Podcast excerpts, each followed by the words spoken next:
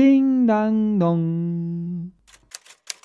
Aliterasyonla her şeyin bir şey var başlıyor. Etimolojik podcast aliterasyonla her şeyin bir şeyi var başlıyor. Merhaba Ali. Merhaba Onur. Dan diye girdim çünkü 500 tane kelimemiz var. Bunu 500 hızlıca tane kelime var. çabuk sevgili çabuk. dinleyicimiz çabuk çabuk çabuk sevgili dinleyicimiz Rümeysa Boz yapı elemanlarıyla alakalı kelimeleri merak etmiş ama yapı elemanları deyince hani ne giriyor işin içine ne çıkıyor onu tam bilemediğimiz için genel anlamda bir inşaat temalı bir şeyler işleyelim dedik. Evet. Evet inşaat biliyorsun hayatımızın merkezi canımız ciğerimiz. İnşaatsız Tabii yaşayamayız. inşaatsız ekonomimizin göz bebeği. O zaman Podfresh kanatları altında aliterasyonla her şeyin bir şeyi var. İnşaat temasıyla devam etsin Ali. Etsin. Mesela o zaman inşaatla başlayalım. Hadi bakalım. İnşaat. İnşaat Arapça bir sözcükten geliyor. İnşa, yaratma, kurma, yapma anlamlarına gelen bir sözcük. Ee, naşa kökünden geliyor. Çıktı, belirdi, var oldu gibi bir anlamı var. İnşa sözcüğü önceden şey anlamında kullanılıyor. Ee, güzel söz söylemek, sanatlı söz söylemek, şiir yazmak, düz yazı yazmak, kompozisyon yazmak anlamlarına Oh. geliyor. Hatta Ziya Paşa'nın meşhur bir makalesi vardır. Şiir ve inşa diye. Ya bu Tanzimat döneminde şiir ve inşa yani şiir ve düz yazı anlamına gelir. Aa, Daha tabi sonra daha sonraki zamanlarda bu bina yapmak anlamında kullanılmaya başlıyor.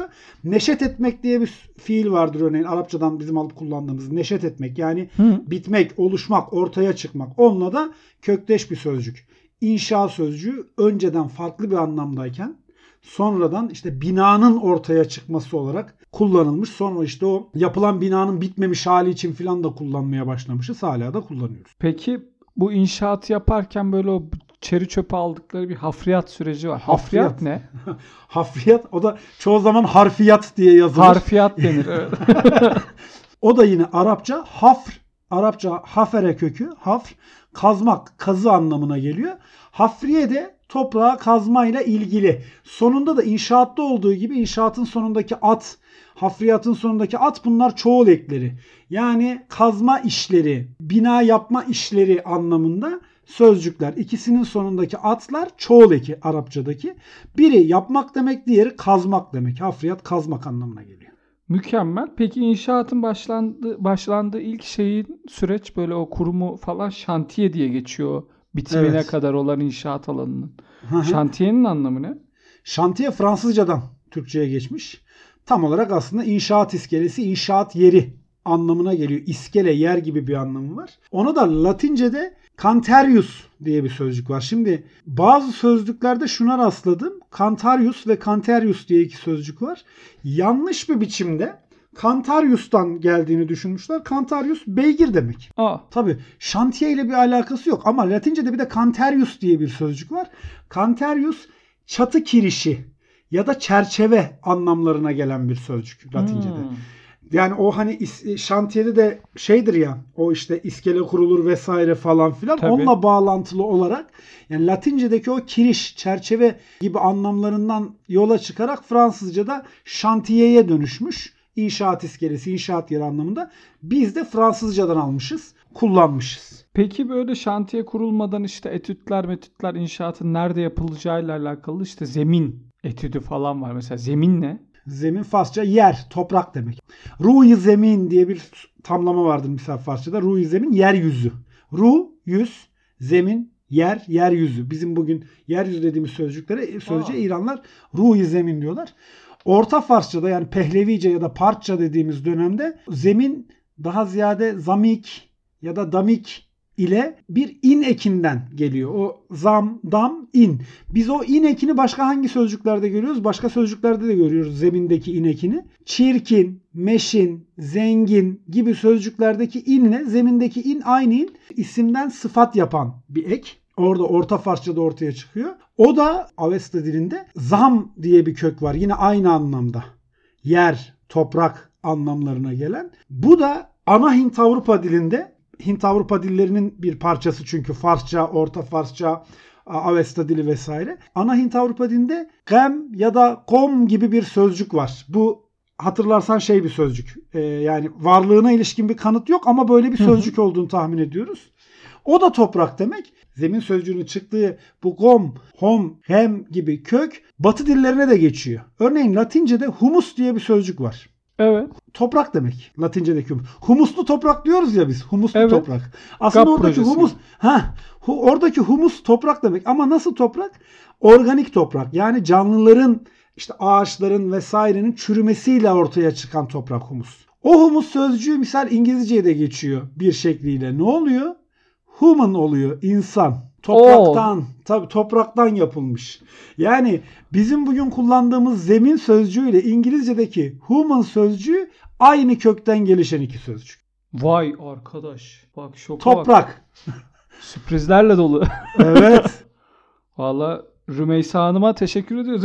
ya çok güzel konu, çok güzel konu. Peki abi zeminlerin mesela işte o oturduğu işte işe daha artık inşaata yavaş yavaş geçelim mesela. Bir yani temel atma diyorlar. Temel ne? Temelde e, Yunanca'dan gelen bir sözcük. Eski Yunanca'da titemi diye bir fiil var. Koymak demek. Koymak. Sonra o temelyos'a dönüşüyor. Sütun, kaide daha ziyade şey için kullanılıyor ilk başta. Bir heykelin üzerine konduğu sütun, kaide için kullanılıyor.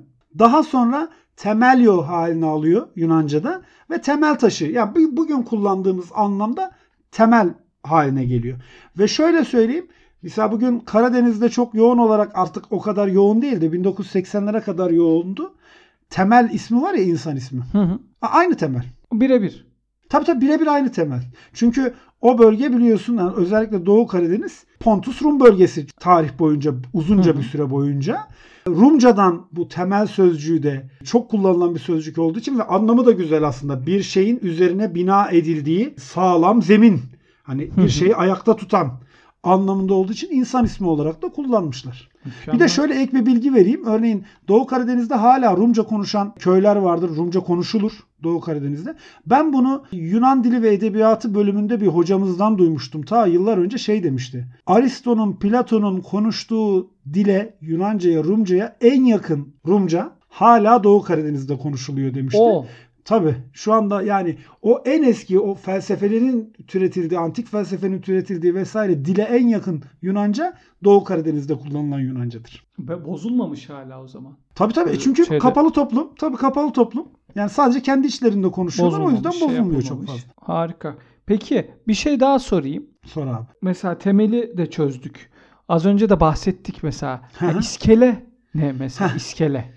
İskele de yine Yunanca'dan ve hem Yunanca'da kullanılıyor hem İtalyanca'da kullanılıyor. Yani Yunanca'dan Türkçe'ye geçmiştir diyen de var. İtalyanca'dan da Türkiye'ye geç, Türkçe'ye geçmiştir diyen de var. İtalyanca'dan geçmiş olma ihtimali biraz daha güçlü gibi geliyor bana. Onun da sebebi şu. e, ilk başta bir denizcilik terimi olarak çünkü kullanılıyor. Hı hı. Yani iskele. Evet. İskele, alabora falan. Ha, filan böyle. İskele bir de şey geminin yanaştığı yer iskele. Hı hı. Basamak merdiven demek aslında ilk anlamı. Hı. Fakat oradan işte geminin yanaştığı rıhtıma da iskele adı verilmiş. Aynı anlamıyla Yunanca'da da kullanılmış. Latince'den geçiyor İtalyanca'ya ve Yunanca'ya da. Yine skalya diye bir sözcük var Latince'de. O da basamak, merdiven demek. Eski Latince'de, ana Latince'de daha doğrusu skantla şeklinde geliyor. Skala hali daha eski ve skandare diye bir fiil var. Skandare. Hı hı. Basmak, çıkmak, tırmanmak demek. Ve yine diyoruz ki biz ana Hint Avrupa dilinde skand diye bir kök Kelime var. kök. Yine basmak, tırmanmak anlamında. Mesela bu iskele sözcüğüyle yine bizim başka kullandığımız bir sözcük kökteş. Bu skand kökünden dolayı. Skandal. Aa. Tabii. Skandal sözcüğünde de o en baştaki o skand basmak anlamı temel. Oradan skandalyon diye bir sözcük türüyor eski Yunanca'da. Tuzak demek, tuzak. Aa. Tuzak anlamına geliyor. Orta Latince'de bu tuzak anlamı dini bir anlam kazanıyor ve şeytanın tuzağı, şeytanın kurduğu tuzağa skandalum adı veriliyor. Bunun adı skandalum. Of. Yani skandala karıştın. Ne yaptın? Şeytana uydun. Şeytana uydun. Vay Şeytana vay uydun. vay. Ondan sonra oradan abi Fransızcaya bugünkü haliyle skandal olarak geçiyor ve bir şeyin ortaya çıkmasıyla doğan rezalet anlamında kullanılmaya başlıyor. İskele ile skandal yani kök bakımından akraba sözcük. Akraba. Mükemmel ya. Peki yavaş yavaş böyle şeye de geçelim biraz daha iç taraflara. Mesela duvar ne demek? Duvar yine Farsçadan geçen bir sözcük. Divar ya da divar yani uzun hecelerle. Eski Farsçada dievara aslında bu bir nasıl söyleyeyim bileşik sözcük gibi. Dea kerpiç kil demek. Hı hı. Vara korumak, etrafını çevirmek. Yani kerpiç ve kille çevirmek bir yeri. Oradan geliyor. Sonra o işte zaman içerisinde değişimlere uğra- uğramış. Farsçada divar ya da divar olarak kullanılmış. Hatta biz çok uzun süre Türkçedeki yazımı da divar şeklindedir. Misal Latin harflerine geçene kadar duvar okunur ama divar yazılır. Eski kitaplarda filan divar yazar. Divar. Hı hı. Mükemmel ya. Şey mi mesela var mı örnek yazıtlardan falan mesela? E, Şey canım yani geçtiğimiz yüzyılda yazılmış yani geçtiğimiz yüzyılda demiyorum pardon aklım hala ben şeydeyim 2000'leri geçememiş gibiyim. ya 1800'lerin sonunda yazılmış kitaplarda filan hep divar diye Hep geçiyor. divar. Evet Vay evet. be. Peki kolon ne abi? Kolon da yine Fransızcadan bize geçmiş ama onun da evveliyatı eski. Sütun demek. Fransızca birebir sütun demek aslında. Latince'de kolumna, direk, yüksek nesne, sütun anlamları var. E, yine ana Hint Avrupa dilinde bunun kökünü biz kel diye bir sözcükte buluyoruz. Böyle olduğunu düşünülüyor. Hı hı. O da yükselmek, yüksek olmak demek. Kolonda ne oluyor? Yüksek. Yüksek bir parça olduğu için o kel fiil kökünden kolumna yani yükselmiş, yükseltili daha sonra Latince'de işte kolumna haline geliyor. Hani bu İngilizce'de şey vardır ya bir yazıda sayfa içerisinde 3'e 4'e bölünmüştür sayfa. Her birine kolum denir ya kolum. Evet, o da aynı. evet. Sütun demek yani kolon demek, sütun demek aslında. Sonra Fransızcaya kolon anlamı yani sütun anlamıyla geçiyor. Biz de Fransızlardan alıyoruz. Bunun da işte o en eski Hint Avrupa dilindeki kel kökünden başka bir sözcük var. Ekselans sözcüğü var ya ekselansları hazretleri Evet. vesaire. Ekselans sözcüğü de bu işte en baştaki o kel kökünden geliyor. Yani o da yükselmiş, yüksekte olan anlamlarını taşıyor ve o kel köküyle bağlantılı. Kel o zaman yüksek Kel İnsan, mühimdir, mühim- yüksek insandır. buradan bazı şeyler daha da netleşti. Peki mesela kolona sütun diyorsun. Sütun ne o zaman? Abi sütun da bu defa Farsçadan. Sütun kolonla eş anlamlı. Ama biz hem kolonu almışız hem sütunu almışız. Kolon Fa- Fransızca, sütun Farsça. O da dikmek, durmak gibi anlamlara gelen bir kökü var. Onun da ana Hint Avrupa dilinde. O da sta. Sta şeklinde bir fiil olduğunu düşünüyoruz. Durmak anlamında. Yine bizim çok kullandığımız başka bir sözcükle bağlantılı bu da. Yabancı dillerden geçmiş Türkçe'ye. İstasyon. Aa, Sta- İngilizce'deki station yani durulan yer. Oradan işte o station sözcüğü de gelmiş İngilizce'ye. Biz İranlılar yoluyla sütunu almış kullanmışız falan filan. Yani o Hint Avrupa dillerinin her bir kolunda farklı bir gelişme göstermiş ve hepsinde de bir şekilde kullanılmış o kök. mükemmel ya. Peki kiriş ne abi? Kiriş. Abi kiriş Türkçe Aa. ama Türkçede de bugün kullandığımız anlamından yani bugün o anlamı da kullanılıyor. Bir ok parçasının adı kiriş. Ok da hani o gerilen kısım var ya Evet. onun adı kiriş. Germek fiilinden geliyor germek. Hı hı.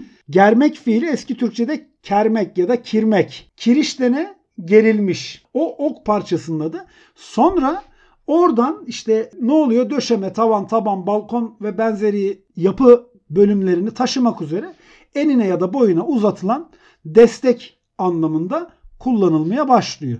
Ve hala da kullanıyoruz. Mükemmel. Peki mertek ne abi? Aslında mertekle kiriş aynı şey yapıda kullanım yeri olarak. Fakat mertek daha ziyade kerpiç binalarda kullanılan Kiriş. parça. Heh, ker, kerpiç binalarda kullanılan kiriş. Merteğin kökü yalnız belirsiz. Şimdi merteği bir diyorlar ki Ermenice'den gelmiş olma ihtimali var diyorlar. Çünkü martak diye bir e, sözcük varmış Ermenice'de. Ben bunu biraz baktım ama maalesef Ermenice çok kapsamlı bir sözcük bulamadım. E, martak diye bir sözcük varmış. Anlamı buna yakın olan. Oradan gelmiştir diyenler var. Bir de bana çok mantıklı gelmeyen Farsçadan geldiğini söylüyorlar. Farsçada mert, bugün de kullanıyoruz mert diyoruz. Erkek, adam demek. Mertek de küçültmek ya, adamcık, küçük adam gibi bir anlamı var. Fakat bununla onun çok bir bağlantısı olduğunu ben açıkçası düşünmüyorum. Ermenice'deki kökünü araştırmak lazım. Yani Ermenice'deki o martak sözcüğü nedir ne değildir onu bir araştırmak lazım. Ama maalesef ben onun temeline inemedim açık söyleyeyim ulaşamadım ona. Fakat Ermenice'den geldiğini söyleyenler de var. Farsçadan geldiğini söyleyenler de var. Peki payanda ne? Payanda. Abi payandada binalarda balkonu vesaireyi böyle tutmak için aşağıdan verilen destek ya da inşaat iskelelerine yan taraflardan çıkılan desteğe payanda adı veriliyor. Payandanın kökünde pay sözcüğü var. Pa ya da. Pa ayak demek. Payanda ayakta tutan. Payende ayakta tutan anlamına geliyor Farsça. Çünkü niye? Ne yapıyor? İşte devrilme ihtimali olan bazı bölgeleri, bölümleri ayakta tutmak için demirle, kalasla, şunla, bunla bir şekilde bir dayanak yapılıyor. Buna da payanda adı veriliyor. Kökeni Farsça en nihayetindeki sözcük de ayak. Pa ya da pay. Evet. Direkt ayak Aha, pa, olarak direkt ayak demek. Muazzam ya. Peki pervaz ne abi? Pervaz da yine Farsçadan. Dikkat edersem çoğunluğu Hep Farsçadan. inşaat şeyi Farsçadan çıkıyor. Niye hayırdır inşallah? Ben Karadeniz'den çıkar diye bekliyordum ama müteahhit. Şaka yok. Oradan da temel çıkmış işte. Temel çıkmıştı. Ya şöyle çünkü Türkler Anadolu'ya gelinceye kadar genel itibariyle göçebe bir millet. Hı hı. İnşaatla inşaatla işleri yok. Sonuçta bina dikmek gibi bir durumları yok. Dolayısıyla bu tarafa doğru gelince yerleşik hayata geçtikten sonra özellikle Anadolu coğrafyasına doğru yaklaştıktan sonra bina yapma, çeşitli binalar inşa etme işine giriyorlar. O yüzden de e, kimden görüyorlar? İşte İranlılardan görüyorlar, e, Rumlardan görüyorlar, şundan görüyorlar, bundan görüyorlar. Onların kavramlarını alıyorlar. Pervaz da bunlardan biri. Pervez Farsçada. Uçma, seyirtme gibi bir anlamı var pervaz sözcüğünün.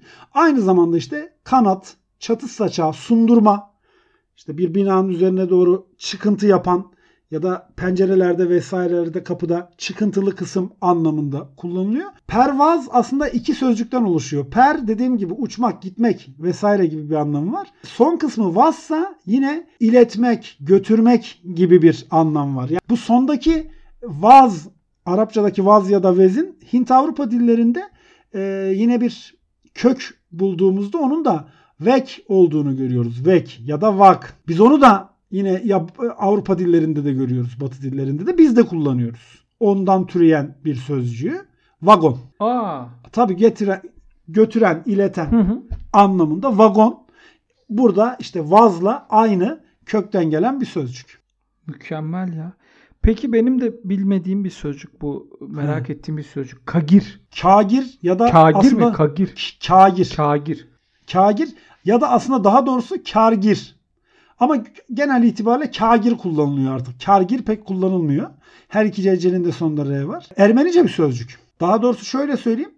Ermeniler de kullanılıyor, İranlılar da kullanılıyor. Yani hem Ermenice'de hem Farsça'da kullanılan bir sözcük ama köken itibariyle Ermenice bir sözcük. Ermenice'de kar taş demek. Gir kireç demek. Taş ve kireçten oluşmuş. Taşla kirecin Aa. buluşmasıyla oluşmuş demek. Farsçaya bu kireç harçlı yapı anlamında geçmiş. Kireç harcıyla yapılmış taş yapı anlamında kullanılmış Farsçada. Türkçe'de biz bunu almışız abi. Ahşap olmayan her türlü yapı için kagir ya da kargir sözcüğünü kullanmışız. İlanlarda filan görebilirsin misal ev ilanlarında. İşte özellikle eski ev. Kagir bina der misal. Kagir ev. Yani ahşap olmayan. Ahşap değil. Ahşap, Ahşap değil abi. hariç hepsi var diyor. Hepsi olabilir. Ahşap değil bu diyor yani. O anlamda kullanıyoruz. Kökü Ermenice. Ee, peki kerpiç ne abi? Abi kerpiç şöyle söyleyeyim. e, Kökenini bilmiyoruz. Hangi dile ait olduğunu da bilmiyoruz. Ama büyük bir ihtimalle başka bir dilden Türkçe'ye geçmiş ama hangi dilden geçmiş belli değil. Fakat eski Türkçeden beri kullanılıyor. Yani ta 11. yüzyıldan beri kullanıyoruz biz kerpici.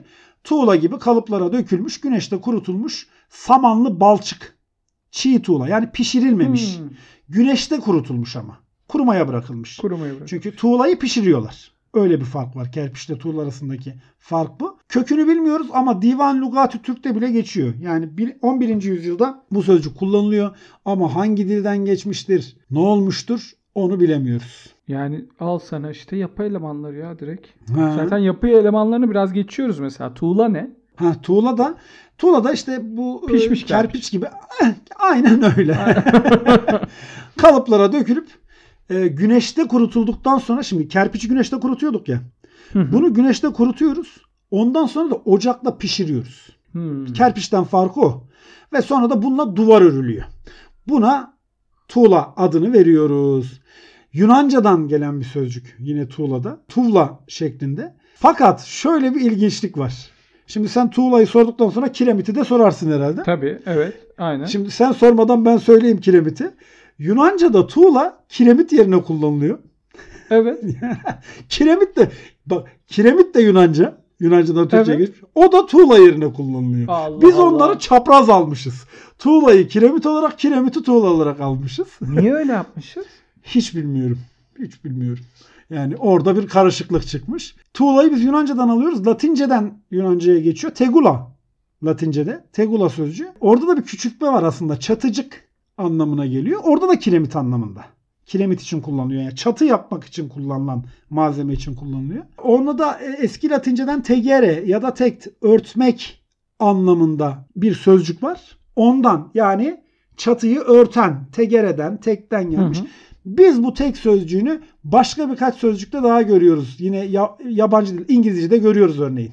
Detektör, dedektif, Evet. Evet. dedektör, dedek biz artık dedektif, dedektör diye diyoruz da onların orijinali detektif, detektör. Oradaki tek ne? De olumsuzluk yapar. Tek örtmek, gizlemek. Detek açığa Açan. çıkartmak. Aa. Açmak, açığa çıkartmak. Dedektif, detektör sözcüklerindeki o tekler de işte tuğlanın başındaki tuğla aynı kökten gelen sözcükler. Mükemmel ya. Harika. Peki piriket ne piriket? Piriket. Ha dur kiremitin de şeyini söyleyeyim. Tamam. Söyle. Yunan, o da Yunanca'dan geliyor. Yunanca da bu sefer ama kiremit işte tuğla. Bizim bugün kullandığımız tuğla anlamında. O da keramos eski Yunanca'da. Keramos. Hint Avrupa dilinde bir ker fiili var. Ateş, yakmak hı. anlamında. Şimdi bu ker fiili de keramosa pişmiş, yakılmış işte kerpiç anlamında. Biz bu keri de başka sözcüklerde kullanıyoruz. Örneğin karbon. Karbon Aa. sözcüğünün başındaki kar aynı sözcük. Yani çünkü yanıcı demek karbon. Hı hı. Yanan demek. Seramik. Keramikos o da aslında. Seramik. Ha, tabii o da yanmış pişmiş anlamlarında e, bir sözcük. Kiremitle aynı kökten gelen sözcükler. Biriket Fransızcadan geliyor, geçiyor abi. Brick İngilizce'de de vardır bu sözcük. Farklı yazılsa bile. Tuğla Brick, değil mi? tuğla demek evet. Biriket de tuğlacık demek. Küçültme eki sondaki et Bu kadar. Aa. tuğlacık demek. Yani küçük tuğla için kullanılıyor. Biz daha sonra o biriket sözcüğünü bu break de yine Hint Avrupa eski Hint Avrupa dilinde ana Hint Avrupa dilinde sonradan ana Germenceye de geçiyor. Kırmak demek. Biz bunu İngilizce'de görüyoruz break kırmak sözcüğünde. zaten. Nasıl? E, kırmak Ha, direkt. direkt. kırmak ha break. Ha, ha break. Ta- aa. Ha, ha break. Ben- Tabii tabii kırmak. Yine hala tuğladayım ben break. Yani biriketin başındaki birik aslında kırmak anlamından Kırmak. gelen. Tabii İngilizce'deki break ile aynı sözcük. Mükemmelmiş ya. Peki abi beton, betonarme bunlar ne? Beton sözcüğünü de biz Fransızcadan almışız. Fransızcadaki anlamı her türlü e, inşaatta kullanılan kum, çakıl, çimento, suyla yapılmış her türlü karışıma beton diyorlar. İlk başta. Şimdiki anlamından farklı olarak. Beton arme de hangi bölümdeydi? Bir bölümde bu ha jandarma hatırlıyor musun? Evet. evet. Jandarma. Jan erkek, arma silahlı, güçlü Silahlı. erkek. Silahlanmış, güçlenmiş erkek. Hı hı. Beton arme de güçlendirilmiş beton. İçinde Aa. demir olan beton. Yani arm aslında şey silah Silah. silah ve demir en başta ne en temel silah işte kılıç vesaire olduğu için Hı. demir gibi bir anlam var. Beton arma da içinde demir olan beton. Bu da Latince yine bitumen sözcüğünden geliyor. Beton sözcüğü. Zift, yapıştırıcı madde vesaire anlamlarında kullanılıyor ama bunun kökünde de şey var. Akça ağaç var ya akça ağaç. Evet. Akça ağacın bir şeyi var. Kök- reçine, şey mi? reçine, reçine. Reçinesi mi? O akça Tamam. ağaç reçinesinden yapıştırıcı elde ediyorlar. Zamk elde ediyorlar. Zift elde ediyorlar. Evet. O yüzden de ona betume, bitumen adını veriyorlar. Akça ağaç, betu kökünden alıp. Diyorlar Hı hı. ki bundan elde edilen, akça ağaçtan elde edilen anlamında bitumen adını veriyorlar. Sonra o sözcük bugünkü betona kadar evriliyor. Peki çimento ne? Çimentoyu da biz İtalyancadan almışız. Onda tabii yine Latinceye kadar giden bir kökü var. İtalyanca'da cemento gibi bir söylenişi var böyle C ile Ç arası bizim çok telaffuz edemediğimiz e, bir şey. Duvar harcı İtalyanca'da temelde. Latince'de cementum diye bir sözcük var. Bu kırık taş, mıcır anlamında kullanılıyor bir. Bir de taş duvarların böyle içine arasını doldurmak için kırık taşlardan, kireçlerden vesaire bir dolgu malzemesi yapıyorlar. Ona çimento deniyor. Bu da şeyden geliyor abi yine Latince daha eski bir sözcük olan kaes ya da kadere gibi bir sözcük var. Kırmak, vurmak vesaire gibi anlamları var. Kırılmış hani o kırılmış taş parçalarını dolduruyorlar ya taşların arasına. Oradan kaynaklı. Onun sonuna bir mento eki geliyor. Bu mento eki işte birçok başka sözcükte görüyoruz bunu. Almanca sözcüklerde işte element, segment, ne bileyim işte eleman, antreman, apartman, randıman, pansuman bunların sonundaki man, men eklerinin hepsi çimentonun sonundaki mento ile aynı. Ama İtalyancadan gelen sözcüklerde İtalyanca'da bunlar mento oluyor. İngilizce'de mento olarak kalıyor. Bazılarında mene dönüşüyor, mana dönüşüyor vesaire vesaire. Fakat hepsindeki o ek aynı. Yine bir fiilden bir eylem adı yapan bir ek, mastar yapan bir ek. Mükemmel ya. Vallahi harika bilgiler ya. Bir de şeyi söyleyeceğim. Bu çimentonun başındaki o mentodan önceki kısım kırmak dedik ya. Kırmak. Hı hı. O İngilizceye filan başka bir ek olarak da geçiyor. Site eki var ya suicide, homicide, Evet. pesticide, öldürmek, öldüren. Aynı. Kırma, çünkü kırmak, öldürmek, parçalamak. Aa, O sözcük onlarda da hala yaşıyor. mükemmelmiş ya. Peki abi sıva ne? Sıva. Sıva Türkçe. Şimdi aslında sıva suyla aynı kökten ya su, su kökünden geliyor. Hı hı. Çünkü sıvada ne oluyor? Suva eski Türkçedeki hali. Suyla karıştırılıyor bir şeyler ve bir yere sürülüyor ya ıslatılmış halde. Oradan sulamaktan geliyor. Yani sulandırmaktan geliyor. Daha sonra da hem fiil kökü hem isim kökü olarak kullanılıyor. Hem sıvamak fiilini kullanıyoruz biz hem de sıva sözcüğünü kullanıyoruz. Bir harcın sürüldüğü zaman duvar yüzeyinde meydana getirdiği ince tabakaya sıva adını veriyoruz. Kökü su. Su sözcüğü. Bu vay hiç hiç alakası yoktur gibi görünüyordu. Hani Değil mi? sıvamaktan falan. Sıvamak da mı o zaman hani su kök, kökünden geliyor? Tabii tabii. Aynı. Hepsi yani bu aynı. kökteş. Boya? Boya da Türkçe. Şimdi boyanın kökü şöyle söyleyelim. Bazı Türkologlar boyaya bod gibi bir kök öngörüyorlar. Eski Türkçenin D'leri bugünkü Türkçede yani bizim Türkçemizde Y olmuştur. Örneğin işte adak. Eski Türkçede Hı hı. adak. Biz bugün ayak diyoruz. Hmm. gibi. Orada da bod renk demek diyorlar. Eski Türkçede bod renk. Bodamak da bodumak eski Türkçede bodumak bir şeyi renklendirmek anlamında bu kökten türemiştir diyorlar. Ama bu bod kökünün renk anlamına gelip gelmediği kesin değil. Yani ona kesin bir bilgi veremiyoruz. Fakat renk anlamında bir sözcük olduğu söyleniyor. Peki abi derz nedir? Derz a- bu defa Arapçadan gelen bir sözcük. Hı hı. dikiş yivi, yiv gibi bir anlamı var. Hı hı. Ve Türkçe'de yeni anlamlar kazanıyor. Türkçe'de ne gibi anlamlar kazanıyor? İşte bir duvarda üst üste konan iki taş ya da tuğlanın arasında kalan aralık gibi bir anlam kazanıyor. Bu aralığı harçla doldurup düzeltme işi anlamı kazanıyor. Bitişik duvarlar arasında işte bazı sorunları, yapısal sorunları önlemek için bırakılan aralık anlamı kazanıyor. Genelde bir aralık anlamı var yani. iki şey arasındaki aralık anlamı var. Ee, bize Arapçadan gelmiş. Ama şöyle de bir durum var. Bu sözcük Arapçaya Farsçadan geçmiş. Hmm. Farsçada derz dikiş yeri, eklem gibi bir anlamı var derzin. Ve biz bu sözcüğü başka bir sözcükten biliyoruz. Terzi. Terzi, diken. Aa, İki şeyi birleştiren, aralığı kapatan. Aslında terzinin yaptığı odur ya. İki şeyin aralığını kapatır. kapat. İki kumaşın aralığını kapatır. Bu ta en eski Hint Avrupa dilinde, ana Hint Avrupa dilinde bir der kökü olduğu düşünülüyor. Bunun da işte dikmek, pekiştirmek, tutturmak anlamına geldiği. Bunun daha sonra Farsçada derze dönüştüğü, onun Arapçaya yiv olarak geçtiği, sonra da Türkçe'ye Arapçadan geldiğini söyleyebiliyoruz. Mükemmel ya. Peki abi karton piyer ne? Karton piyer. Evet Karton- çok havalı bir kelime ya. Çok havalı. Karton aslında karton. Bildiğimiz karton. Bildiğimiz Karton ne demek? Karton kart kağıt demek. Hı hı. Sondaki 10 kabalık katan ek. Yani bir şeyin büyük, kaba, sert olduğunu gösteren bir ek. Karton da kalın kağıt demek. Sert kağıt. Hı hı. Pierre'in hikayesi biraz daha tabii şey alengirli. Taş demek. Aa, Tabii. Pierre, isim olan Pierre. Buradaki karton Pierre'deki Pierre var ya Fransızların evet. işte Pierre bilmem Pierre. ne bey. Ha Pierre Bey. İşte Pierre Bey'in adı taş demek. Taş. Ne anlama geliyor işte? Taşlaşmış kağıt. Taş gibi görünen kağıt.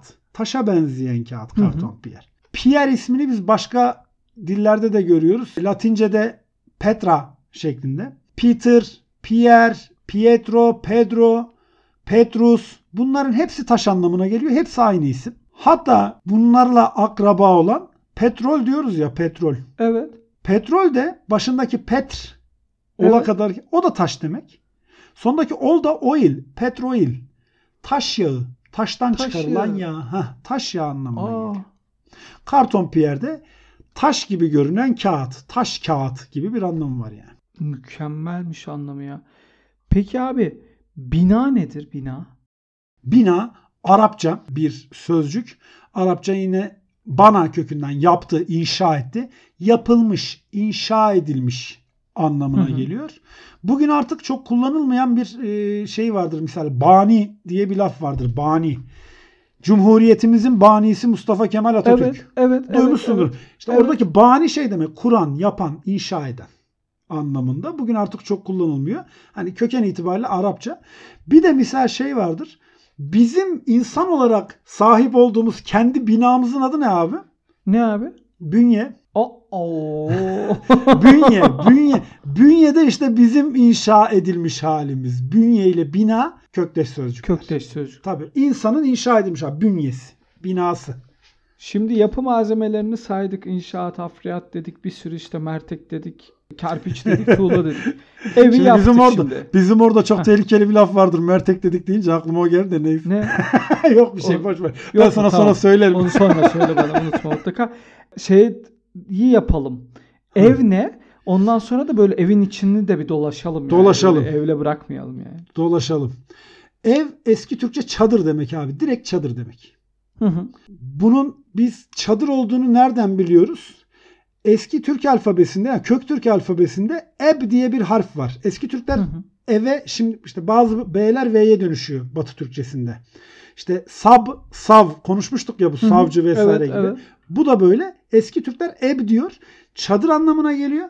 Ve eb diye bir harf var. B harfi. ince ünlüyle okunan B harfi gibi. Direkt çadır çiziyorlar. Bir çadır çiziyorlar. Yani bu çadır anlamına geliyor. Daha sonra da işte ikamet edilen her türlü konut, mesken anlamı kazanıyor ve Türkçenin ta Orhon yazıtlarından beri getirdiği kelimelerden biri. Oda ne? Oda. Oda da yine eski Türkçe. Bak evin içine girince birden Türkçeleşmeye başladı bazı Aynen şeyler. öyle. Oda da od sözcüğünden geliyor. Od eski Türkçe ateş. Hı hı. Ot. Şimdi ateş yakılan yer, insanların bir arada oturup ateş yak- yaktıkları yer. Otağı. Otağı sözcüğü de kullanılıyor. Aa. Ota şey anlamında kullanılıyor ama işte bey çadırı vesaire gibi bir anlamda kullanılıyor.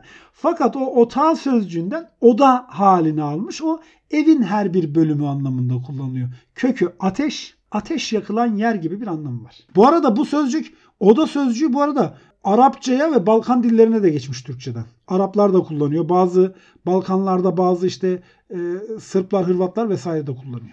Direkt oda olarak mı kullanıyor? Oda oda, oda olarak Direkt oda. kullanıyor. Hı. Peki salon ne? Salon İtalyancadan bize geçmiş. Daha doğrusu şöyle. e, İtalyancadan Fransızcaya geçmiş. Bize Fransızcadan gelmiş. Büyük oda demek. Kartonu hatırla. Kart Evet. kağıttı. Ha, Karton büyük kağıttı. Büyük sert kağıt. kağıttı. Hı. Sal bir bölüm demek. Kapalı mekan. Salon büyük mekan. Büyük mekan. Vay. Büyük mekan. Salamanje sal Evet. odaydı. Sal oda hı. anlamında. Salon büyük oda. Sal yine oda. Manje yemek. Yemek odası. Aa, salon salamanje oradan geliyor. Tabi tabi. Muazzam ya. Peki abi mutfak ne? O da mı Türkçe? Mutfak Arapçadan geçmiş Türkçe'ye. Matbak tabaka. Arapçada tabaka kökü var. Pişmek, pişirmek anlamına geliyor. Buradan işte mef'al vezninde mef'al vezni yer isimleri yapar. Ne gibi işte mecra, mekan, mektep, mezar, menfez gibi. Arapçada bunun bir sürü örneği Hı hı. var. O tabaka kökün, kökünden de matbah oluyor. Matbah ne? Yemek pişirilen yer. Bize mutfak olarak geçmiş. Bizim dilimizde mutfak halini almış. Uzunca bir süre bu da Osmanlı yazımında mutfak, matbak vesaire diye uzunca bir süre yazılmış ama biz artık mutfak yazıyoruz. Peki abi banyo ne? Banyo da İtalyancadan geçmiş abi. İtalyanca'da banyo hamam, kaplıca anlamına geliyor direkt. Bu da Latince'de aynı anlamda balneum, banyum gibi bir sözcük var. Eski Yunanca'da balenyon gibi bir sözcük var. Bunların hepsi ilk başta aslında hamam yani Yıkanılan yer. ta umuma açık ama. Hmm. Yani ba- birçok insanın bir arada kullandığı hamam, kaplıca gibi anlamlara geliyor. Ondan sonra yavaş yavaş kişisel bir e, temizlik alanına dönüşüyor. Böyle kullanılıyor. Misal biz şey diyoruz ya şu anda. Lavaboya gidiyorum diyoruz ya tuvalete. Evet. Misal İspanyolca konuşulan ülkelerin çoğunda onlar misal banyoya gidiyorum diyor. Aa, Onlar da tuvalet anlamı da kazanmış. tuvalet anlamında kız. Hı hı. Peki bizde tuvalet ne? Abi bizde tuvalet tuvalet de çok ilginç. Ee, biriketi hatırla. Biriketin Evet. sonundaki et küçültme eki diye. Evet. Birik biriket. Bu da öyle. Toil bez parçası. Bez demek. Bez, kumaş. Tuvalet küçük bez aslında. Buradan buraya nasıl gelmiş? Hadi buyur. Hakikaten ha. Şimdi genel itibariyle 17. yüzyılda bu toil sözcüğüne işte tuvalet küçük bez, bez parçası gibi anlamlarda kadın giyim kuşamı için kullanılan bir sözcük. Kadınların giysileri için kullanılıyor hı. sözcüğü. Sonra bu 18. yü- 18. yüzyılda bu defa kadınların giyinip makyaj yaptığı oda anlamında kullanılmaya başlanıyor. Tuvalet masasında hala yaşıyor bu anlamı. Oo. Tuvalet masası diyoruz ya. Evet. İşte evet. makyaj yapılan yerdeki masa. Sonra 19. yüzyılda artık 100 numara, hela vesaire anlamlarında kullanılmaya başlıyor. 100 yıldan 100 yıla anlamı değişiyor, Değişiyor. tuvaletin. Biz bu tuvaleti son anlamıyla kullanıyoruz. Buna öfizm deniyor. Sözcüklerin anlamlarını değiştiriyoruz. Güzel adlandırma. Türkçede de var bu. İşte tuvalet Hmm. demiyoruz. Artık tuvalet de kaba kaçmaya başladı. Artık ne yapıyoruz? Lavabo diyoruz Lavabo diyoruz. Anladım. gibi gibi. Tuvalette güzel adlandırma olsun diye zamanında yapılmış. Neydi bu kuralın adı? Ne yapıyorduk? Öfizm. Öfizm. Gü- güzel adlandırma Vay be. diyelim kısaca. Mesela bu tuvaletin adlandırma. sonundaki et eki işte e, birikette var dedik. Cekette var giyim kuşam bölümünü hatırlarsan. Aha, evet, evet, Ceket evet. küçük küçük. ya, e, giysi. Pipet, pipe, boru. Pipet küçük boru. Küçük boru. Operet küçük opera anlamlarında.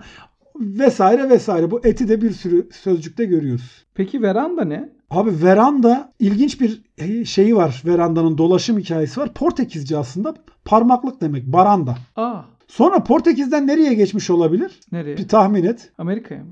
Hayır abi Hindistan'a geçiyor. Çünkü Portekizli Ah. gemiciler Hindistan'a gidiyor epey bir süre.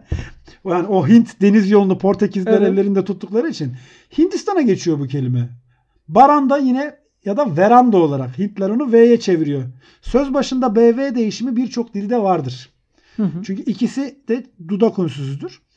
Hintliler alıyor bunu varanda diye kullanırken Hintlilerle çok yakın ilişkisi olan başka bir millet var. İngilizler.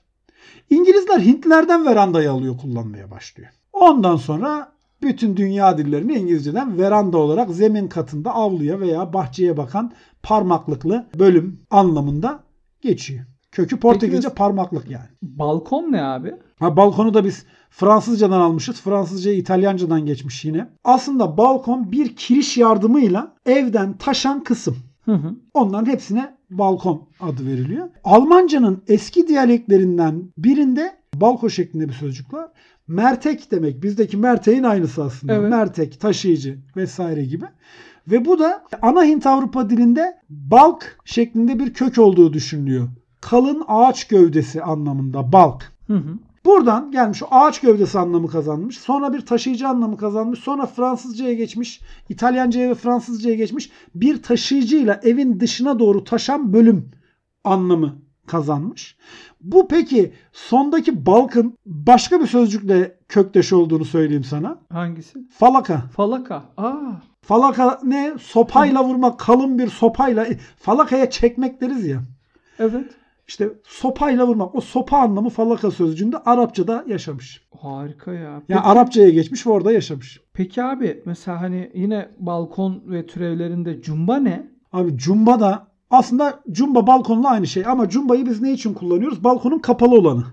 Dışa Hmm. doğru taşan kapanmış hali balkonun. Ya, duvar hizasından dışarı doğru çıkıntılı alan. Şimdi bununla ilgili de yine iki görüş var. Bir Farsça cumbet kemer anlamı taşıyor kemer. O cumbalar genelde kemerli yapılardır ya böyle bir kemer yapar ya da dışa doğru bir kemer yapar. Evet. Bundan dolayı Farsça cumbet sözcüğünden cumbanın geldiğini söyleyenler var. Bir de İtalyanca'da cippo diye bir sözcük var. Cippo. Cippo İtalyanca cippo da çıkıntı demek. Yine binalarda üst katlardaki çıkıntıya cippo adı veriliyor. Şimdi cippodan cumbaya dönüşür mü ben çok emin olamadım. Şimdi Farsça sözcüğe bir benzetme yoluyla işte İtalyanca cippoyu alıp Farsça cumbetle karıştırıp cumba haline getirmiş olabilirler. Ama kökünden ben şahsen emin değilim. Onu söyleyebilirim. Fakat Farsça ile de bağlantılandıran var İtalyanca ile de. Peki teras ne? Teras yine güzel bir sözcük abi. Bize Fransızcadan geçiyor teras. Binaların üzerindeki üstü ve etrafı açık düz yer anlamında kullanıyoruz biz. Fakat aslına bakarsan eski anlamı yani Fransızcadaki eski anlamı şey eve bitişik toprak düzlük evin önü.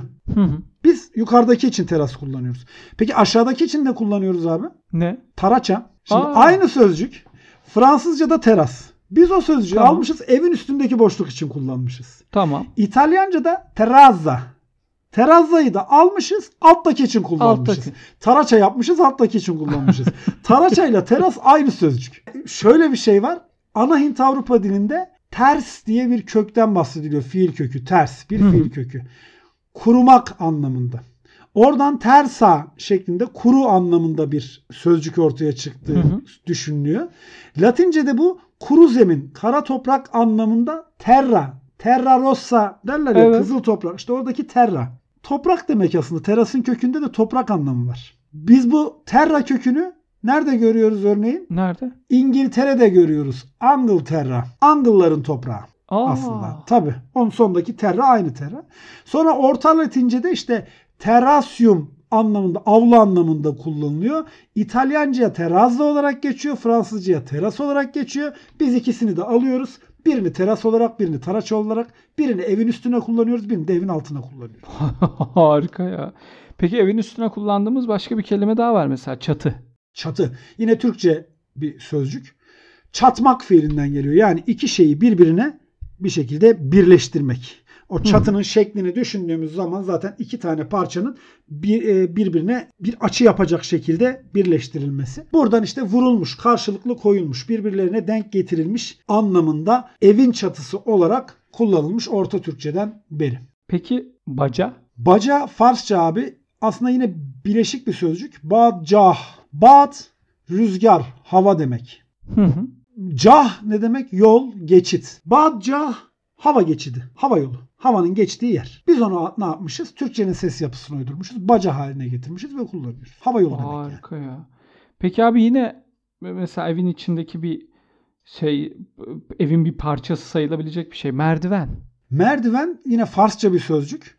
Farsçada nerdban eski hali. Sonra nerduban oluyor. Nerduban, nerduvan oluyor. Ondan sonra biz onu Türkçe'ye aldığımızdaki baştaki ne'yi m'ye çeviriyoruz. Merduvan haline getiriyoruz. Merdiven oluyor, merdiven oluyor. En son döne, döne, döne, döne merdiven haline alıyor. Peki Farsçadaki narduban ne demek? Nart tahta demek, tabla, tahta tabla.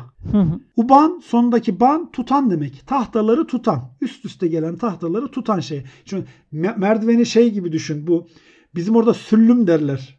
Üst üste iki tane uzun çubuğa çakılmış böyle e, dümdüz bir e, Evet. parça gibi düşün. İtfaiyeci merdiveni gibi düşün. Evet. O küçük tahtaları tutan şey adı merdiven. Eldiven sözcüğü var ya. Evet. Eldiven de Farsçadan geliyor mesela aslında. Farsçada eldiven dastuvan. Dastuvan, dest el demek. Uvan eli tutan. Destuban, destuvan eli tutan. Biz onu Türkçeleştirmişiz. Başına eli koymuşuz. Sonunu to- korumuşuz. Eldiven Korumuş, yapmışız. eldiven. Devam etmişiz. Yani tahtaları tutan, basamakları tutan anlamına geliyor merdiven. Mükemmel ya. Yani şöyle söyleyeyim herhalde yapı elemanları ama inşaatta çok az kelime kalmıştır. Herhalde yani bana da öyle geliyor. Güzel oldu. Ya çekomastik falan kalmıştı. ya. Onlar da olmayı versin. Onlar da olmayı Rümeysa- versin. Rümeysa Boz Hanım'ın inşaat sorusuna, yapı elemanları sorusuna muazzam bir cevap verdik. Ve rekor kırdık. Ve rekor kırdık yani hakikaten kaç ne kadar oldu? Bir saate yaklaştı. Onlarca kelime söyledik. Ee, bu zaten bizim aynı zamanda birinci Sezon sezonumuzda finali. Peki şöyle son kapatmadan önce sen bu podcast hakkında bir iki bir şey söylemen gerekse, yani bir şeyler söylemek istesen ne söylersin mesela? Ne söylerim? Bir kere her şeyden önce benim için çok faydalı oldu bu podcast. Çünkü benim de bilmediğim bir sürü. Ben burada çıkıp yani sen sorduğun zaman anında şak diye cevap veriyor değilim. Zaten insanlar da bunu biliyordur, tahmin ediyordur diye oturuyorum. Bildiklerimi bile yeniden gözden geçiriyorum. Bir yanlışım var mı, bir eksiğim, gediğim var mı ya da başka birileri farklı bir şey söylemiş mi diye. Şeyle çok bağlantı kuruyorum ben. Kültür, kültür tarihi ve sözcüklerin kültür tarihi içerisindeki o seyahatleri, hareketleri aslında çok şey anlatıyor. Hani burada biz 13 13 bölümdür biz bunu yapıyoruz. Sen de ben de bunu herhalde bayağı fark ettik. Aslına Aynen. bakarsan insanoğlu dediğin tek bir aileden oluşuyor. Başka hiçbir Kesinlikle şey değil. Çünkü sözcüklerimiz aynı. Aynı sözcüklerle konuşuyoruz. Yani Arapçadan geldi diyoruz ama Arapçaya Latinceden geçmiş diyoruz. Latinceye Farsçadan gitmiş diyoruz. Orada kullandığımız sözcükler aynı. Tek bir ailenin ben bu etimolojiyle uğraştığım zaman şeyi fark ediyorum. Yani yok öyle bir şu- o ayrı bir gayrım. öteki yabancı hakikaten yok. Yani hepimiz aynı ailenin evladıyız aslında. En güzel burada ortaya çıkıyor diye düşünüyorum. Umarım insanlar da beğenmiştir. Dinleyenler sevmiştir. Harika geri dönüşler alıyoruz. Onun için bütün dinleyicilerimize çok teşekkür ediyoruz. İkinci sezonun tarihini bir ara söyleriz. Bu arada sizler de e, ikinci sezonda merak ettiğiniz temalar varsa bak yapı elemanları geliyor al 50 tane kelime çıktı. o iş bizde. Orada rahat olun. E, merak ettiğiniz bir tema varsa aliterasyon Ali'nin Twitter adresi Onur Uguru benim adresim her şeyin bir şeyi var podcast at gmail.com podcastimizin şu, bu, şu anki podcastimizin adresi isterseniz kellerin savaşı at gmail'e de koyabilirsiniz. Başka ekleyeceğimiz bir şey var mı Ali? Çok teşekkür ediyoruz dinleyenlere. Başka da Çok ne çok diyelim? teşekkürler. Gerçekten kelimelerin büyülü dünyasına çıktığımız inanılmaz güzel bir 13 bölüm oldu. Bir güzel bir 13 bölüm daha patlatılır neden olmasın yeter ki tema olsun, kelime olsun, dinleyici olsun. Tabii. Bu üç olduktan sonra biz buradayız. Aynen öyle. O zaman Hepinize iyi günler. herkese iyi günler öpüyoruz. Görüşürüz. Ding dang dong.